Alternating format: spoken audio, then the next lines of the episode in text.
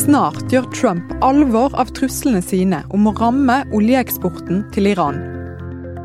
Vil dette sende oljeprisen til himmels? Og vil i så fall det være utelukkende bra for den norske økonomien? Du hører på Det vi lever av, en podkast fra Sysla. Jeg heter Sigrid Haaland.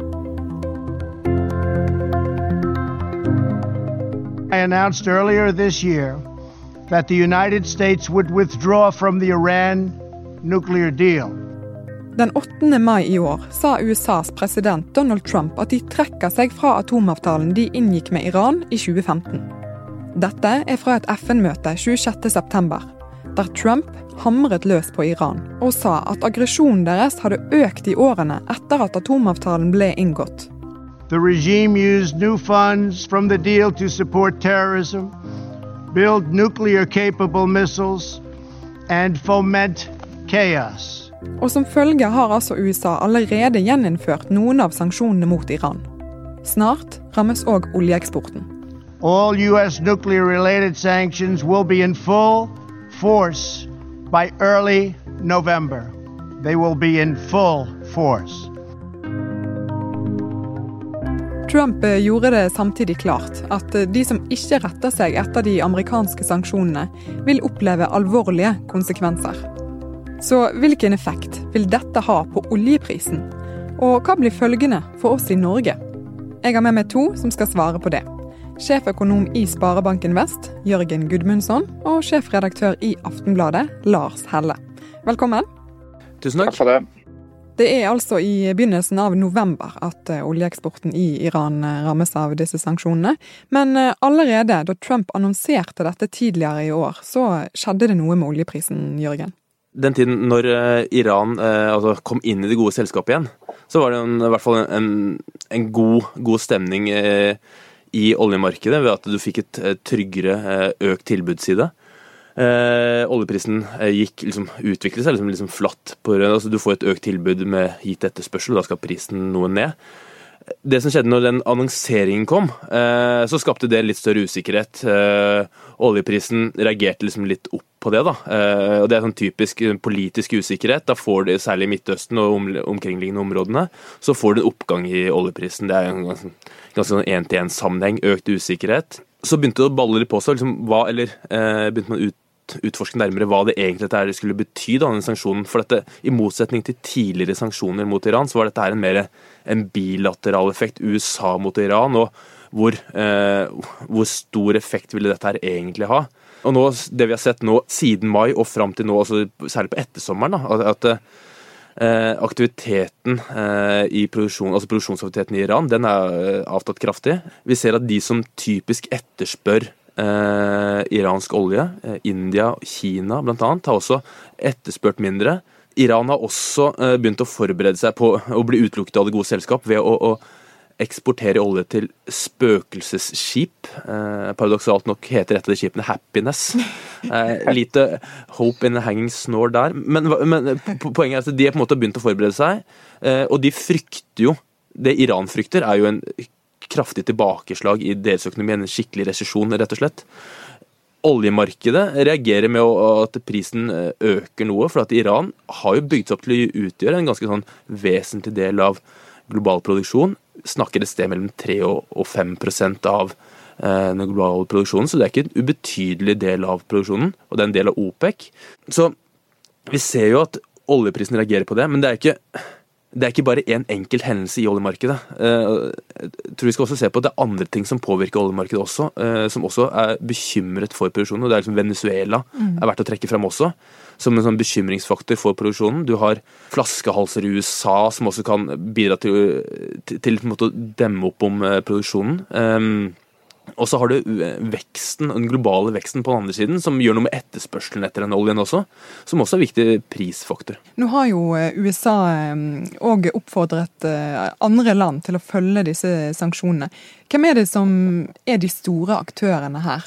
De store aktørene er selvfølgelig India, det er andre, de store europeiske vestlige landene eh, som har eh, vært store kunder av iransk olje. og Som òg murrer litt nå over, eh, over eh, Trumps saksjon og, og, en del prøver til og med å finne litt bakveier for hvordan de kan handle med, med Iran.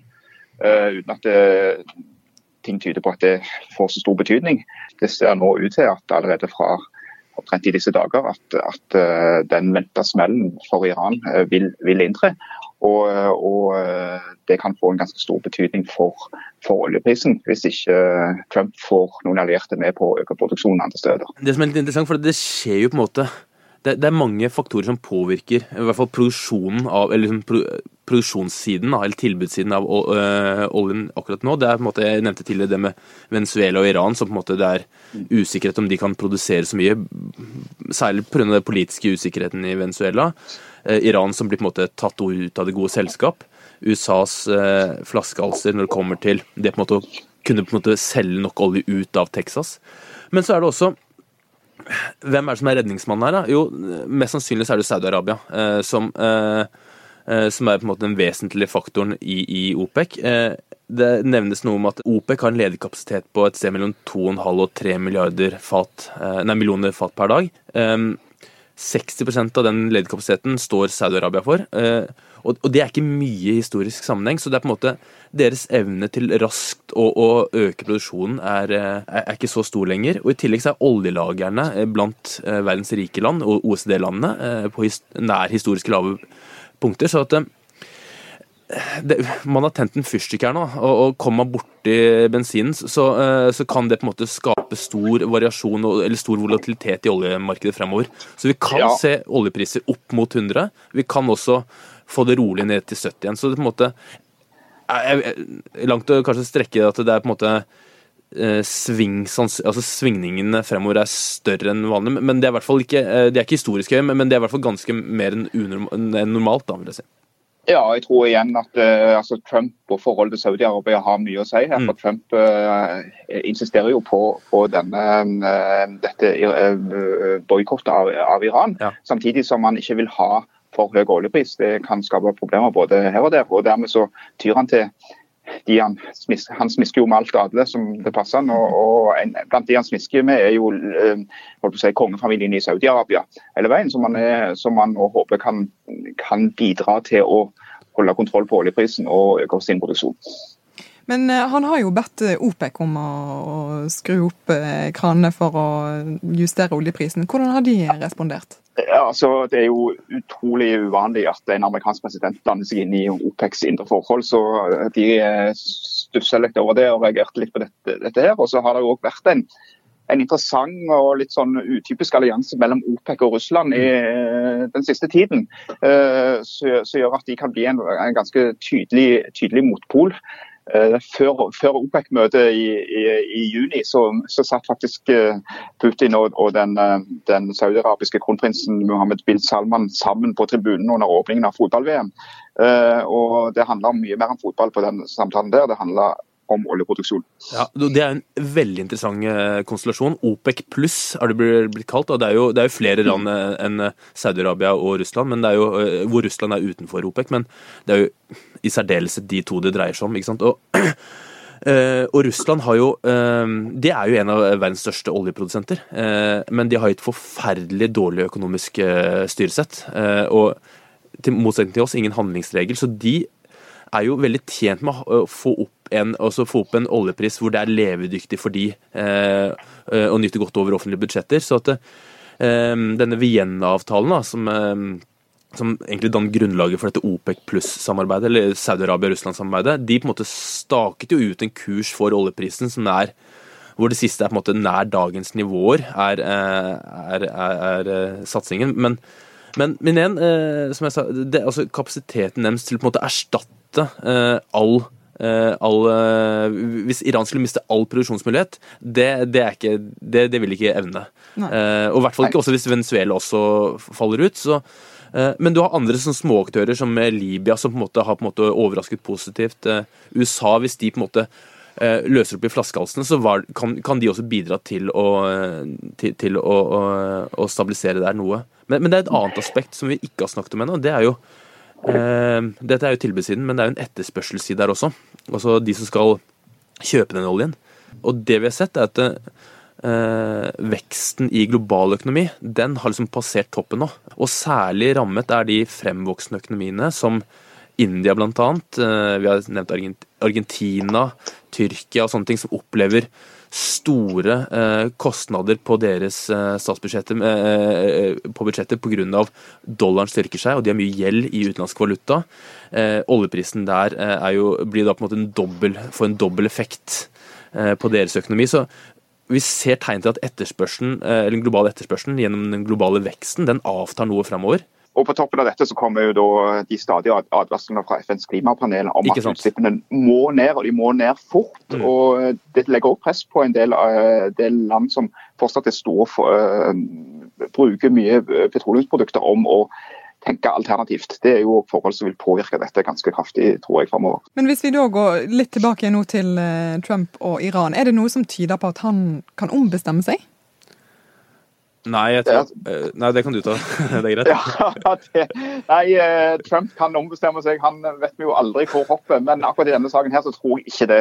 Og Hele den saken og hele komplekset her viser jo at uh, oljepris det er, er, lik politikk.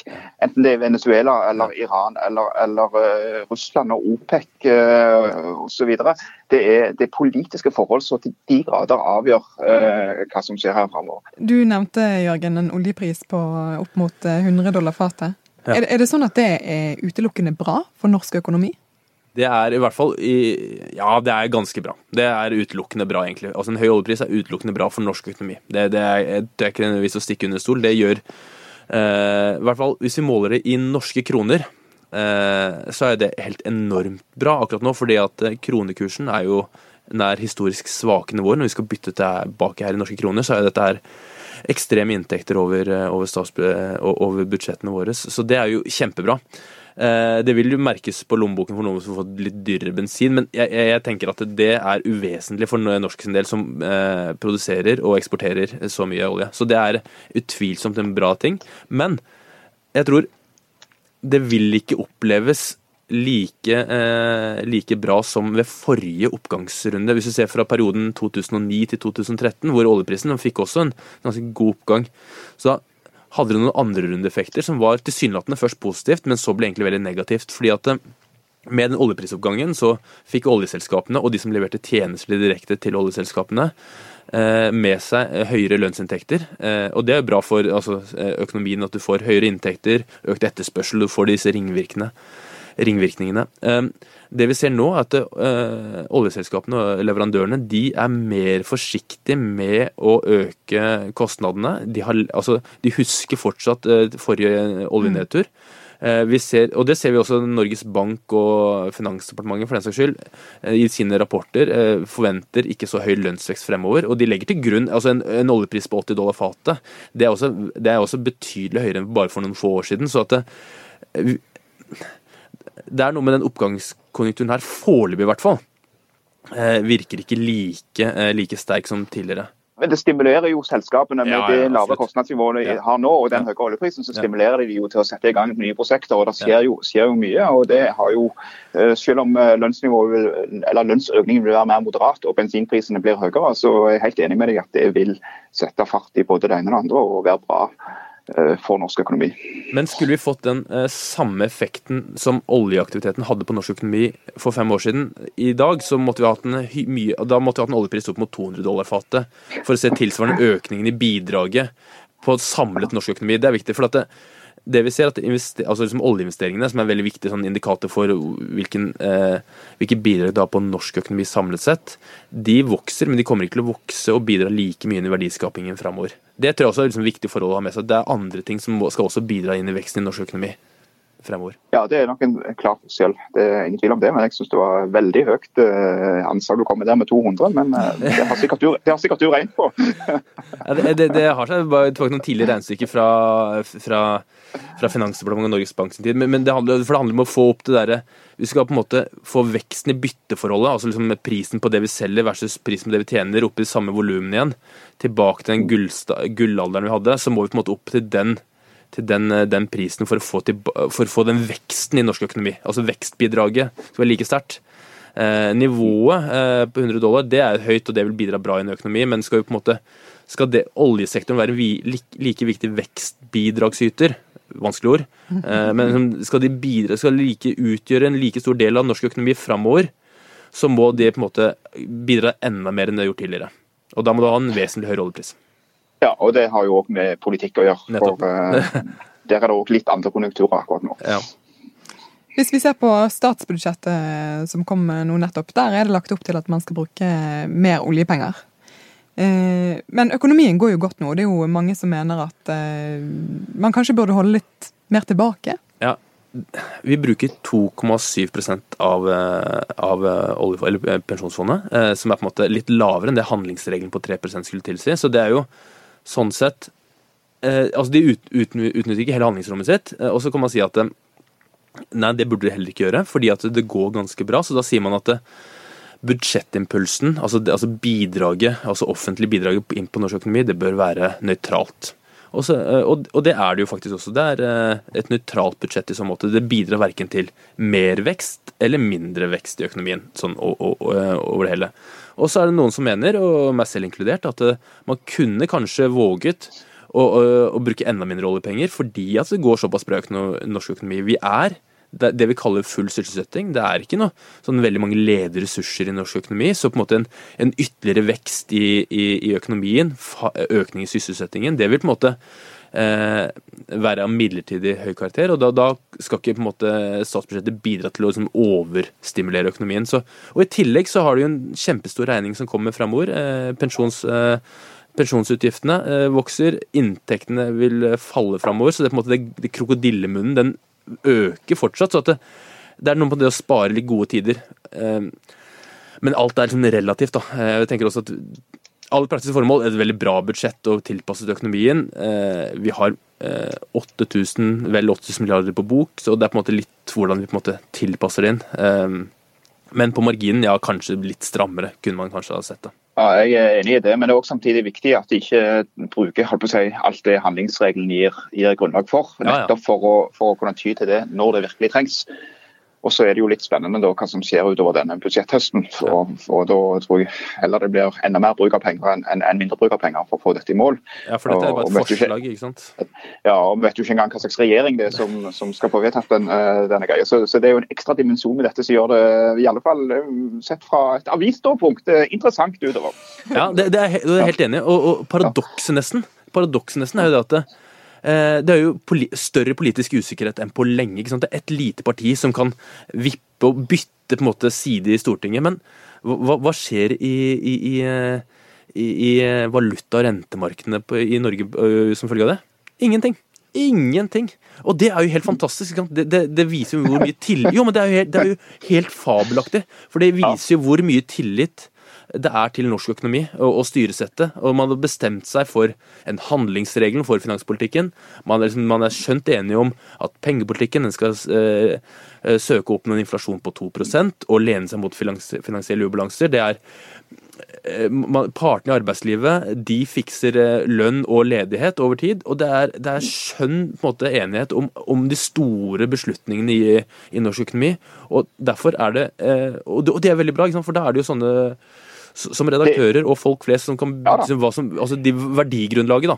Eh, er mer rett- enn men- økonomiske. Helt enig, og det er et aspekt til. En av grunnene til at eh, store internasjonale oljeselskaper gidder å investere i Norge med det skattetrykket vi har, det er at vi har en forutsigbar mm. politisk situasjon. Ja. som gjør at det ikke blir, alt blir snudd på hodet pga. En, en ny regjering eller sånne ting. Ja. Det er òg faktisk et viktig moment for å, for å ha, ha den type virksomhet her i landet. Ja, Vi får se da om eh, Trump blir eh, like forutsigbar som eh, ting som skjer her på hjemmebane. Tusen takk for at dere var med, begge to. Tusen takk. Tusen takk. Takk for at du hørte på denne episoden av Det vi lever av. Vi blir veldig glade om du tipser andre om denne podkasten. Og om du vil gi oss en anmeldelse i podkastappen din, så er det òg noe vi setter stor pris på. Og har du ellers innspill til hva vi bør eh, snakke om, så sender du en mail til sigrid.haaland med dobbel A at sysla.no. Produsent for eh, denne podkasten er Henrik Svanevik. Jeg heter Sigrid Haaland, og vi er tilbake med en ny episode om en uke.